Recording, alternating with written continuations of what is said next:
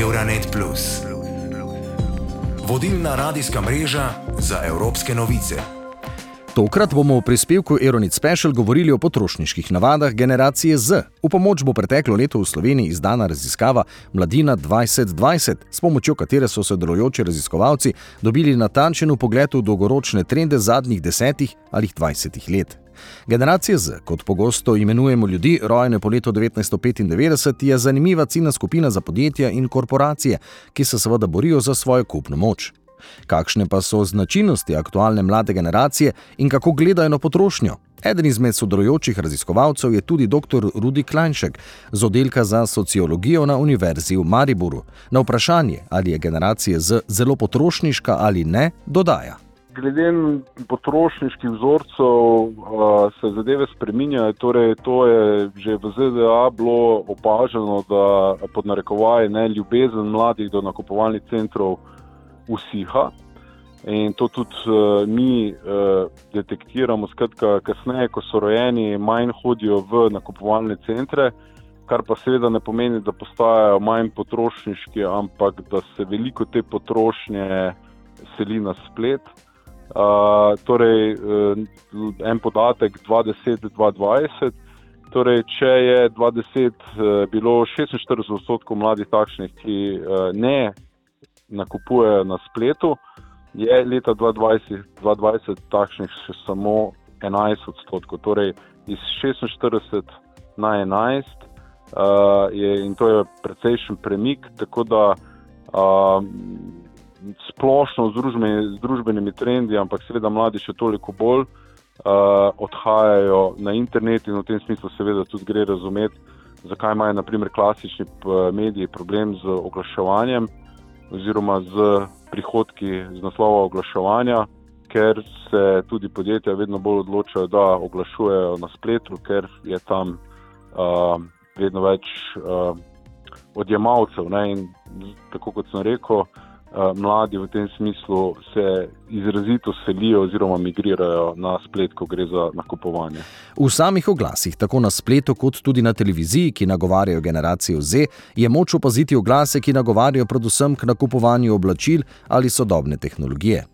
Klajnšek glede prioritet generacije Z izpostavlja.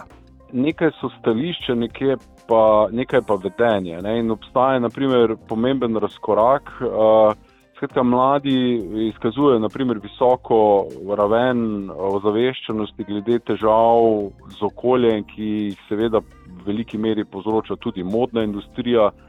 Ampak potem, ko pa opazujete vedenje, pa naprimer vseeno ugotovite, da je cena odločilen dejavnik in da ne ta zavest glede okolja je hitro potisnjena na stran.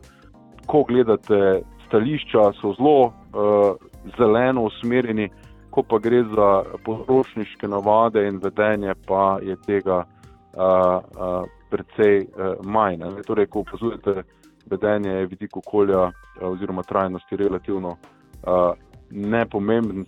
Lahko povem, da samo 8 odstotkov jih je navedlo, da je uh, trajnostni oziroma okoljski vidik izdelka ključen. Torej, samo 8 odstotkov, medtem ko jim je uh, ne, okolje uh, naprimer, pomembno več kot 60 odstotkom. Skratka, 60 odstotkov jim je pomembno okolje, ampak ko pride do nakupa, pa samo 8 odstotkov presoja nakup glede na uh, okoljski vpliv. Potrebno se je torej zavedati, da oglaševalska industrija je v službi podjetij in korporacij in zna mlade nagovoriti in jim ponuditi rešitve za vse njihove težave ali zadovolitve potreb. Produkti, ki so na voljo, pomagajo mladim pri identifikaciji in prepoznavnosti, oziroma, kot izpostavlja dr. Rudi Klajnšek, si mladi želijo. Biti vidni, ne, so seveda veliko bolj dojemljivi za te sugestije, in seveda oglaševalska industrija s pridom izkorišča tudi na ta način, da ne, jim ponuja rešitve za, za, za vse težave, od izgleda uh, in tako naprej. Skratka, uh, v tem smislu, ja, hitra moda, kozmetika, tudi ne, na koncu, če gledate.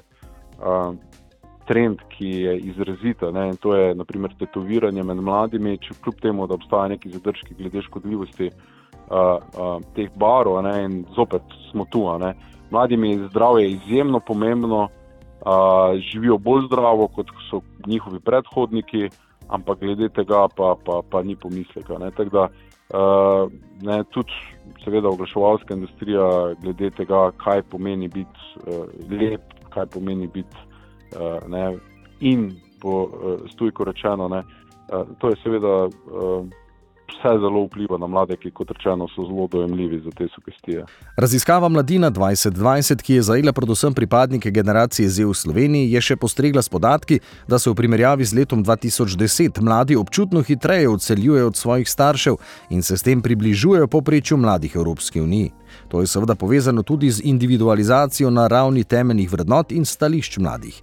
Poleg tega na to vpliva tudi izboljšanje gospodarskih razmer v preteklih letih in s tem povezan izboljšan položaj mladih na trgu dela.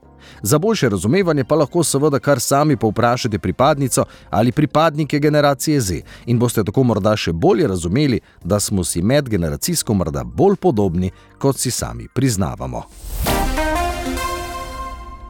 Ali se mladi torej zavedajo, da je lahko kdaj konec dostopa do vseh dobrin, ki so na voljo? Glede tega Rudi Klajnšek izpostavlja. Ne, jaz mislim, da tega zavedanja ni, ampak v tem smislu niso mladi nič drugačni, ne? ker pač ljudje vedno vrednotimo najbolj tisto, eh, česar nimamo, tisto, kar pa imamo, pa jememo za samoumevno in te generacije gotovo živijo v, v eh, obdobju izjemne blaginje, izbire.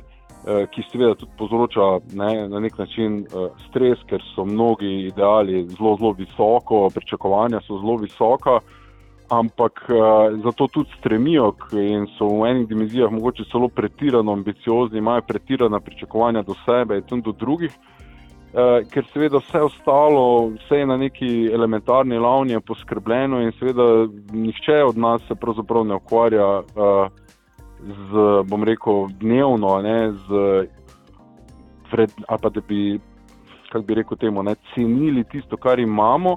Ampak vsi, ne, mladi temu seveda sledijo, se bolj ukvarjamo s tem, česar nimamo. Ne, in, uh, zdaj, zavedanje, da pa to, kar imamo, je tudi, bom rekel, zelo hitro mogoče izgubiti, uh, tega ni niti med mladimi, in jaz mislim, da v tem smislu tudi med starejšimi. Ne, ne, sej, um, na nek način uh, se tudi uh, populacija onkraj mladih vede, uh, kot sem prej rekel, glede okolja, zelo uh, neodgovorno. Ne?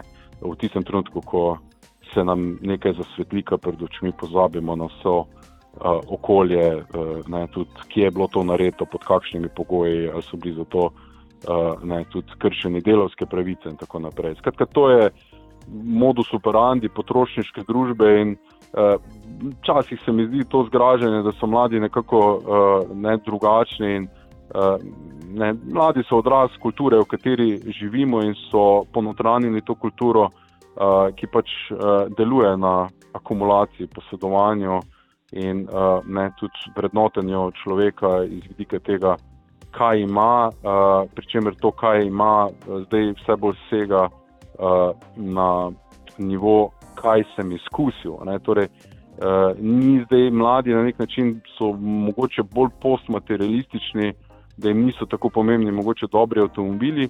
Im je pa zelo pomembno, ne, kakšne izkušnje imajo in uh, ne to nomadstvo, potovanje po tujini in tako naprej, ki je seveda tudi z okoljskega vidika enako problematično kot promet. Ob koncu pa se zdi prav izpostaviti še dejstvo, da je nedavni referendum o vodah v Sloveniji, ki je pravico do vode zapisal v ustavo, pritegnil veliko število pripadnikov generacije Z. Ob tem zato ni presenetljivo, da mladina sama sicer vse bolj skrbi za svoje zdravje. Mladi v primerjavi z desetletjem poprej v poprečju občutno manj pijejo alkohol in manj kadijo tobak, jedo bolj zdravo in se več ukvarjajo športom. Mladi se tudi bolj kot pred desetimi leti čutijo politično kompetentni in so bolj naklonjeni neposrednemu komuniciranju s politiki, vključno s sodelovanjem v peticijah in referendumih.